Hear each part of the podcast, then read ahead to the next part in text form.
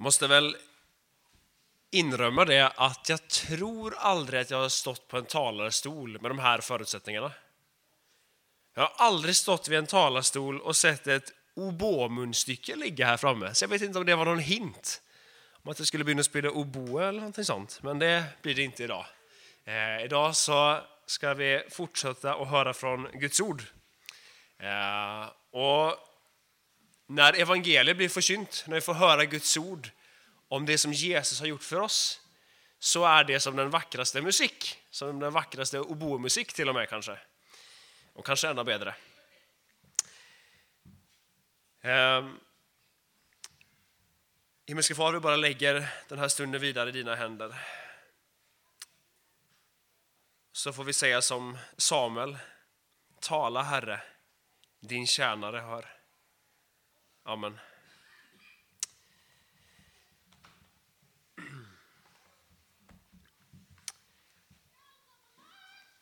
Älske, eller älsket, det är det övergripande temat som eh, jag har under de fem möten som jag har. I söndags så var temat Älsket av Gud.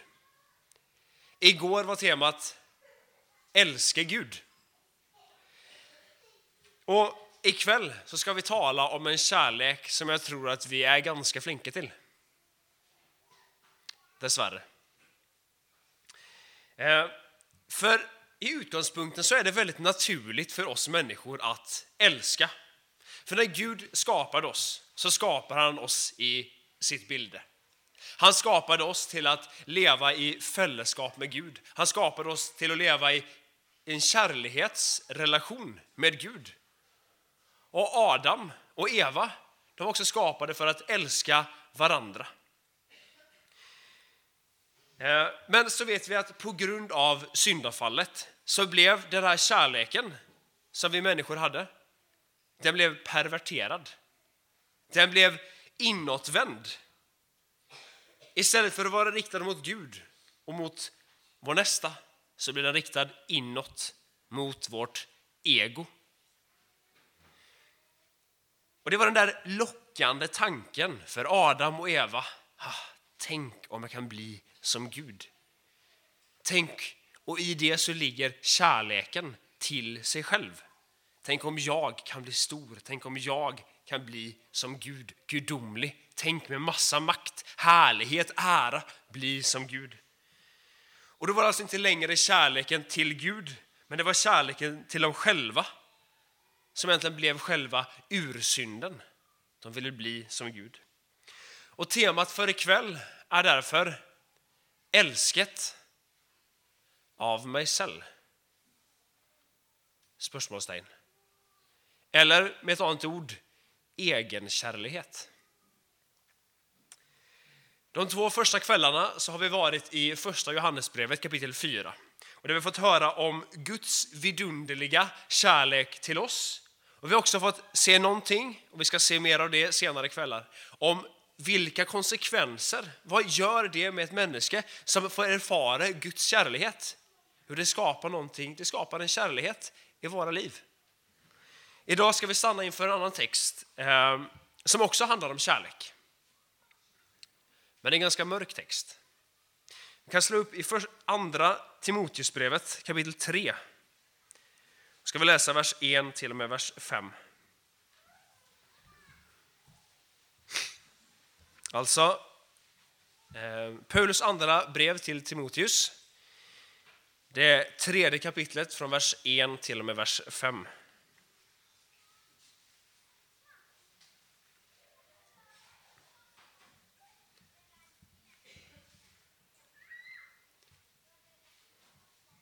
Men detta ska du veta, att i de sista dagar ska det komma farliga tider.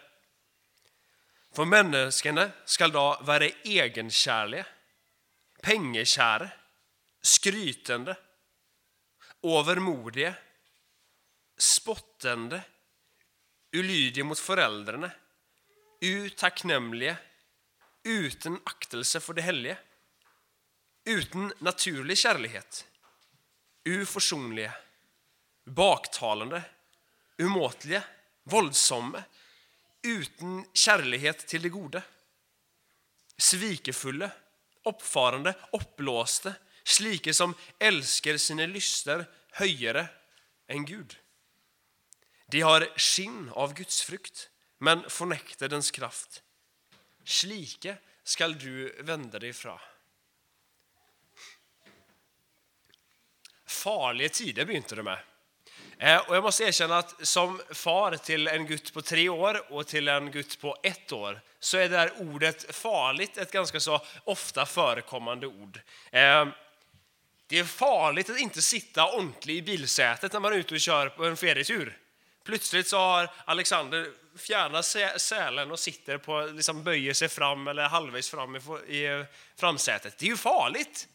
Eller man måste säga, nej, det är farligt, du kan inte köra med din sparkcykel ut i den tungt trafikerade vägen. Det är farligt. Eller du kan inte bara sticka av hemifrån, bara gå dit du vill. Det kan vara farligt. Så för mig som far så märker jag att det här med att prata om saker som är farligt, det, det, kan jag göra ganska ofta. Så prata inte bara om det, vi pratar om positiva saker också i vår familj. Allt är inte farligt. Jag tror inte vi är sådana där föräldrar som hanterar våra barn med, som porslinsdockor eller någonting sånt. Men vi måste erkänna att det finns en del faror om man är barn. Och det är viktigt som förälder att ta tag i det. Men det är inte bara en far som behöver snacka med sitt barn om det som kan vara farligt. Gud, han talar till oss om att det är någonting som är farligt. Gud talar om att det kommer farliga tider och då måste vi vara på vår vakt. Vi måste, annars så kommer det gå oss illa. För är vi inte på vår vakt så kommer det som är farligt att få makt över oss. Ja, det kan till och med vara så att vi stryker med. Att det tar oss. Men de här farliga tiderna, när? Vilka tider är det snack om då? Jo, I texten så står det att det kommer att ske i de sista tiderna. Och en kommentar till den här versen står alltså att från den tiden som brevet blir skrivet och fram till Jesu genkomst, det vill säga cirka 2000 år, det, det är de sista tiderna. Och Det betyder i så fall att vi idag, just nu, befinner oss i farliga tider. Har du tänkt på det? Farliga tider. Det är någonting som jag tror vi bör akta oss för. Men varför är det så farligt? Jo, i den här texten så kommer det en lång lista på 20 punkt. 20 punkt som beskriver människor i den sista tiden. Och lägg märke till att det stod så här, för människorna skal vara och så vidare. Här kommer alltså en ganska generell beskrivning av hur människor kommer till att vara. Alltså många människor, de flesta människor. Det som kommer att präga människor, det som kommer att präga tidsånden. De kommer vara på den här måten som vi läste. För människorna. Och I den här förbindelsen så har vi inte tid att se på allt det som står här, men vi ska speciellt lägga märke till det som har med kärlighet, eller det att älska, att göra. I vers 2 så stod det för människorna ska vara egenkärliga och pengekära. Det ska de älska. De ska älska sig själv och gärna sina pengar. Och så står det i vers 3 de ska vara utan naturlig kärlighet. I min svenska bibel så står det att de ska vara kärlekslösa. Och i slutet av vers 3 så står det utan kärlighet till det gode. Och till slut i vers 4 så står det slike som älskar sina lyster höjare än Gud. Så du ser att på de här fem verserna så stod det ganska mycket om kärlighet. Att älska eller att inte älska. Det här är alltså i högsta grad människor som älskar, men de är egenkära, de älskar pengar och det är kärlek efter egen nytelse. Det vill säga att följa det som jag själv har lust till. Och så möter vi alla de här punkterna i texten. Till exempel eh, skrytande. Vad gör man när man skryter? Jo, man framhäver sig själv. Man säger hur flink man är. Och I vår tid så är det så lätt att göra det för att vi behöver inte säga det sån ja, face to face. Men vi kan gärna skriva det på Facebook istället. Kanske att den trenden har lagt sig lite grann, men för några år sedan var det så på Facebook. Det var, en vittig skryt. Nu har jag gjort det, nu har jag gjort det, nu har jag gjort det, nu har jag gjort det. Ah, dejligt, nu är jag färdig med det. Ah, det ska bara sett. Och så går man och väntar på alla likes. Det är, det är så tydligt att det är skryt, att det inte är sant. Och vad är det egentligen? Det handlar om egenkärlighet. Jag är glad i mig själv. Jag vill gärna att andra ska se hur flink jag är. Eller det står om att de är ulydiga mot föräldrarna. Vad betyder det? Här ska inte någon annan kunna komma och bestämma över mig. Jag är herre, jag bestämmer, jag älskar mig själv. Om min mamma eller min pappa säger att jag ska göra ditt eller att jag ska göra datt. Ah, det är inte så viktigt. Eller när staten säger det ena eller andra. Nej, nej, det är inte så viktigt. Jag älskar mig själv. Mm. Så länge de inte märker någonting så gör det ingenting. Så jag tror egentligen att, och så kan vi ramsa upp flera saker.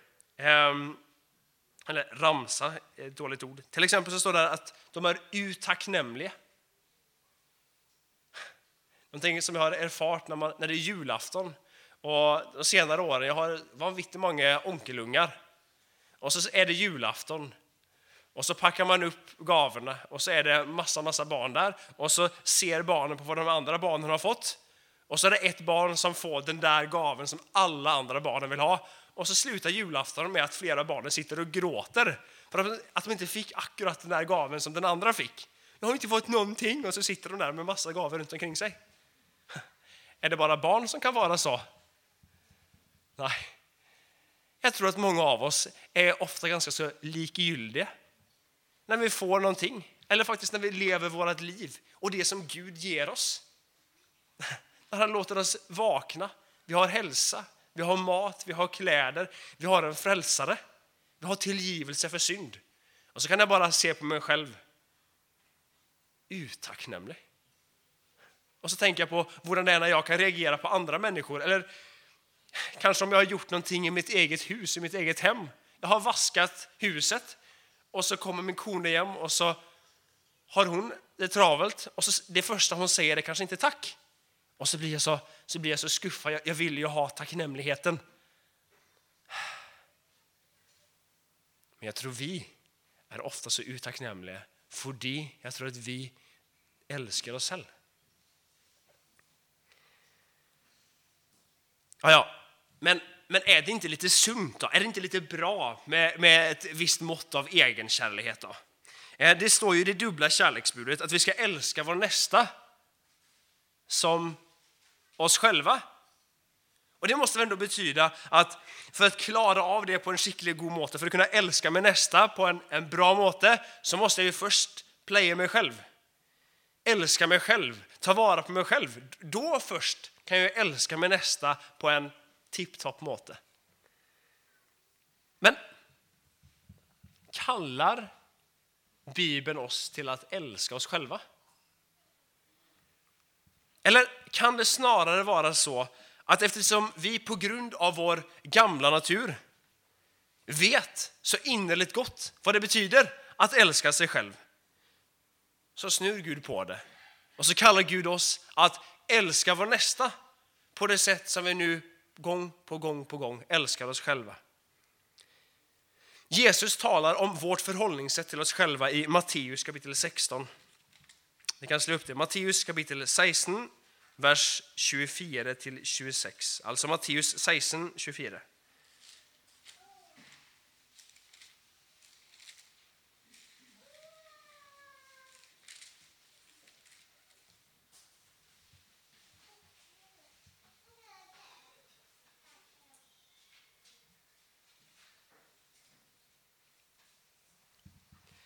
Då sa Jesus till disciplinerna sina. Om någon vill komma efter mig, då må han förnekta sig själv, ta sitt kors upp och följa mig. För den som vill berge sitt liv skall mista det, men den som mister sitt liv för min skull ska finna det. För vad gagnar ett människa om han vinner hela världen men tar skada på sin själ? Eller vad kan ett människa ge till vederlag för sin själ? utifrån det som står här så är det vanskligt att se att Jesus kallar sina discipler till att älska sig själv. Tvärtom så handlar det nog faktiskt här om att på första plats säga nej till egna behov, egen nytelse, egna mål, egna drömmar, egen ära. Och så handlar det om att ta upp sitt kors och följa Jesus. Det vill säga att identifiera mig med Jesu lidande och död. När Jesus hängde på korset så var det jag som hängde där. När han fick utstå den smäleken, det hånet som han fick utstå, så var jag där. Det har aldrig varit populärt att säga att jag är en kristen. Jag tror på den korsfäste. Att egentligen gå, ja, det kan vara populärt att gå med ett kors runt halsen. Men om du säger att jag tror att han som dödade på det korset, han är min frälsare. Utan honom så har jag inget hopp för evigheten. Utan honom så vet jag inte vad jag ska ta mig till. För världen så är det en dårskap. Att ta upp sitt kors och följa Jesus. Det handlar någonting om att faktiskt säga nej till att älska sig själv. Och istället se att jag har en frälsare som jag får identifiera mig med. Han dödade för mig. Och så säger Jesus, följ mig. När vi snackar om att följa Jesus så tror jag vi blir lite lurade ibland för vi tänker att det att följa Jesus det är sådär väldigt, väldigt sådär höjdsvävande. Jag följer Jesus. Ja, hur märkes det då? Nej, nej det är sant som jag pleier å si. En discipel, ja. Men, men det att vara följa Jesus, det handlar om att gå där Jesus gick. Det handlar om att höra det Jesus sa, göra det Jesus gjorde. Och så tänker du, ja men det är ju radikalt. Det kostar ju någonting. Hallå, det, det kommer ju att prägla hela livet. Nettopp. Det är det det innebär att följa Jesus. Det är att höra Jesus stämme och följa honom dit han går. Och hur följer du Jesus? Det är att leva i ordet. Kan du tänka dig en discipel som inte går i lag med sin mästare? En discipel som säger, jag är en discipel, men jag, aldrig, jag lyssnar aldrig på min mästers stämme. Det är egentligen inte så nöje för, för mig vad han sa. Är du då en discipel? Det är bara ett självbedrag. Discipeln följer Jesus. Och i Johannes 12.25 står det, den som älskar sitt liv skall mista det. Men den som hatade sitt liv i denna världen skall bevara det till evig tid. Egenkärligheten är någonting som kommer att präga den sista tiden före Jesus kommer tillbaka. Det är alltså Paulus som har skrivit det här brevet till Timoteus. Och han kallar Timoteus till att hålla sig borta från de här människorna som blir beskrivet här. Eh, och Det kan alltså verka som att det som står här det är inte en beskrivning av Timoteus själv. Men, men eh, det verkar som att Paulus advarar Timoteus mot att vara med de här typen av människorna därför att det är en fara för honom att dras med till att börja älska det som de här människorna älskar.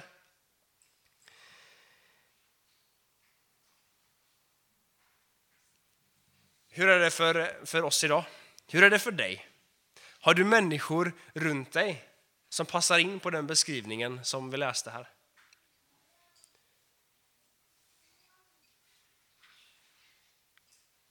Ja, jag tror att vi har många människor runt oss som passar in på den beskrivningen. Och vi bara tänker på det som är vanliga slogans, alltså vanliga uttryck i vår tid, så är det det med att vi ska ju realisera oss själva. Vi ska göra karriär. Vi ska följa hjärtat. Vi ska göra det som, jag gör det som är rätt för mig. Vi måste ju leva livet. Sant, det viktigaste är att ha det göj. Allt detta är uttryck för egenkärligheten. Men så tror jag dessvärre att dessa 20 punkt som beskriver människorna i den sista tiden, det är också långt på väg en beskrivning av många av oss som idag bekänner oss som kristna. Det stod faktiskt i slutet av texten de har ett skinn av gudsfrykt. men de förnekar dess kraft. Här är det människor som kommer att se ut som att de är goa, flotta kristna. Och likväl så går de in under den här beskrivningen. I den här texten som vi läste från andra Timoteusbrevet så får vi en inblick, tror jag, i vårt eget hjärtas svarta dyp. För om du ska vara helt ärlig mot dig själv där du sitter nu. Kan du säga att du inte älskar dig själv? Det vill säga var eneste minut i de olika ting du gör i din vardag eller i din fest eller när det är att du icke älskar dig själv. Kan du säga att du är helt fri för kärlek till pengar? Det betyder ingenting för dig. Det skapar inte en liten sån där god bobblande födelse när du går in på ditt nätbanken och ser yes, där har du fått in pengarna och så har du fått skatteåterbäringen och så oj var det så mycket och så bara haha, fryder du dig lite. Det handlar om kärlek till pengar. Är du, är du en sån som aldrig skryter och aldrig är övermodig? Eller på svenska står det stolt. Är du en sån som alltid använder Guds namn på rätt sätt? Är du alltid lydig mot dina föräldrar eller mot överheten? Är du den som alltid visar den rätta tacksamheten? Och ger du uttryck för det?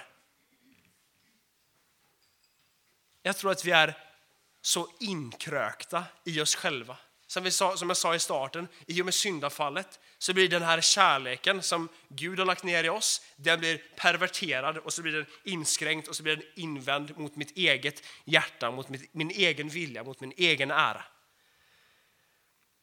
Och så kan vi nog vara duktiga på att hålla upp ett sken. Jag tror vi som sitter här vi kan vara duktiga på att hålla upp ett sken av att vi ser ut att vara ganska gudfruktiga.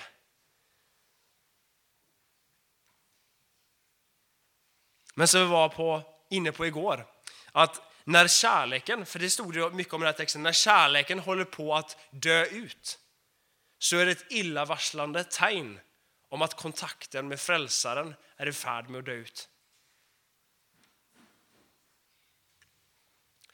Men låt oss nu vända blicken. Låt oss nu vända blicken och glömma oss själva för en stund. Och låt oss vända blicken till Jesus Kristus. Och så låt oss vända tillbaka till de två verser som vi har varit vid de två tidigare kvällarna. I första Johannesbrevet kapitel 4. Vad är det som står där egentligen?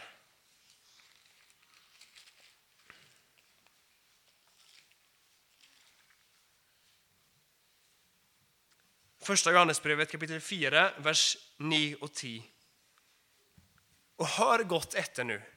Ved dette ble Guds kärlek uppenbart ibland oss, att Gud har sänt sin enbårne son till världen för att vi ska leva ved ham.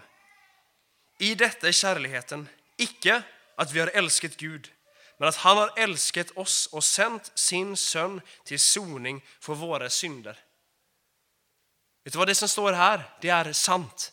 Det är på riktigt. Gud, till motsättning, till motsats till oss, han är inte egenkärlig. Gud är inte egoistisk. Vi läser faktiskt inte i Bibeln om att det står att Fadern älskat Fadern och att Sönnen, att Jesus älskat sig själv. Men Gud är kärlighet och därför måste Gud vara en treenig Gud. För Fadern älskar Sonen, Sonen älskar Fadern. Den helige Ande härliggör Jesus. För att Gud ska kunna vara kärlig så måste Gud vara en treenig Gud som älskar inbjudes. Men det står inte att Jesus älskar sig själv. För kärlighet handlar aldrig om att älska mig och mitt. Men kärlighet är det som rätter sig utöver i handling. Det är kärlighet.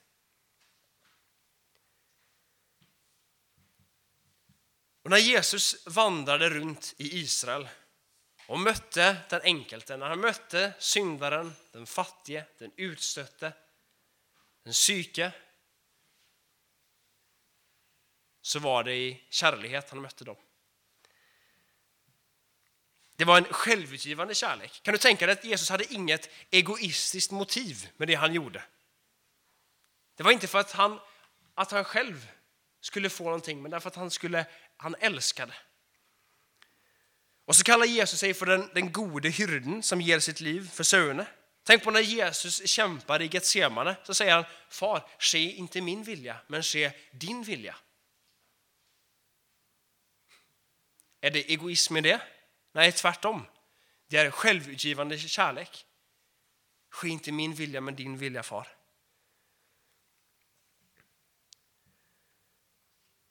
Så det går inte att spåra ett uns av egoism i Jesu gärning.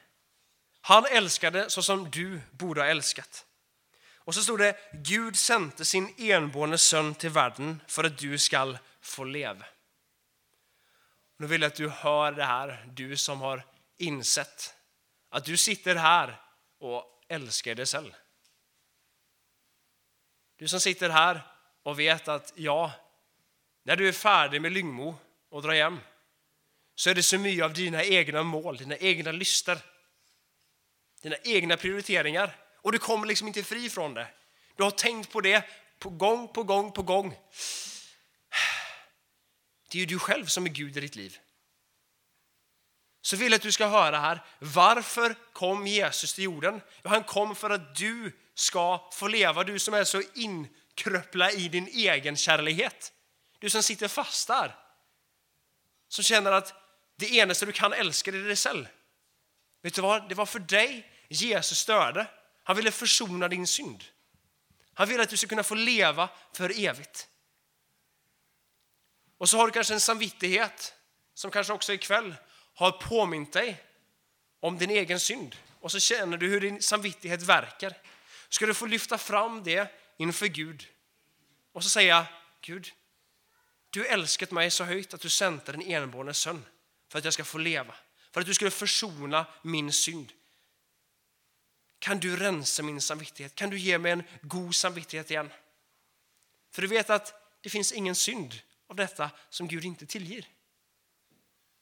Och det som, du, det som kan skrämma dig idag, det som kanske till och med kommer att skrämma dig imorgon för att du älskar dig själv så högt, det döde Jesus för.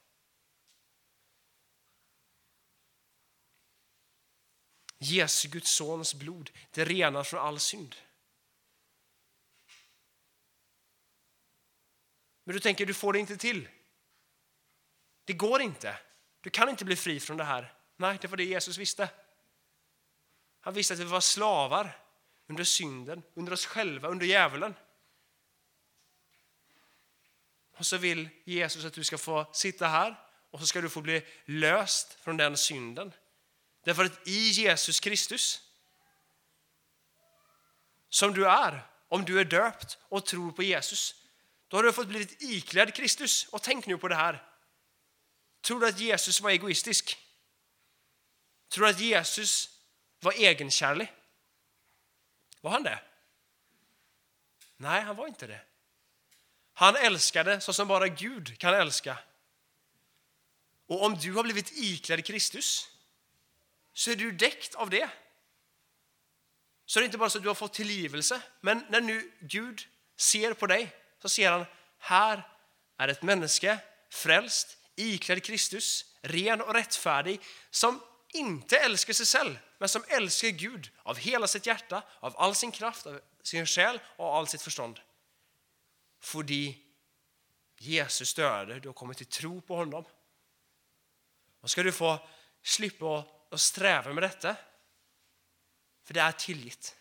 Och om Gud har tillit dig denna synden, så ska inte du behöva gå härifrån från det här mötet och så ska du ta på dig det lasset igen. Men du är fri.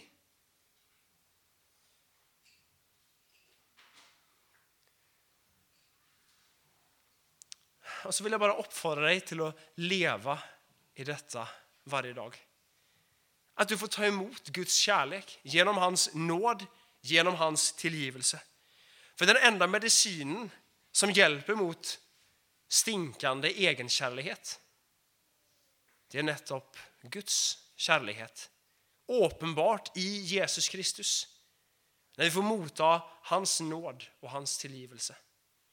Och så står det i en salme. Du däcker den rättfärdige med nåd som ett skjold. Och det är ett vers som jag är så otroligt glad i. För ett skjold, det är... Eh, hur ska det vara någonting som jag lagade när jag hade eh, träslöjd, alltså konst och hantverk eh, på mellantrinnen säkert, så lagde jag ett skjold med ett kors på.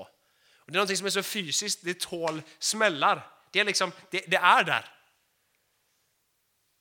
Och så är det så att Guds nåd, det är någonting så konkret. Det är fysiskt. Han däcker den rättfärdiga med nåd som ett skjold. Så vi kan få lyfta vårt hode och säga tack till Jesus. För att det är realiteten i ditt och mitt liv. Om du har sagt till Jesus, Jesus jag tränger dig, jag tränger din nåd. Så är du däckt med nåde som ett skjold. Amen.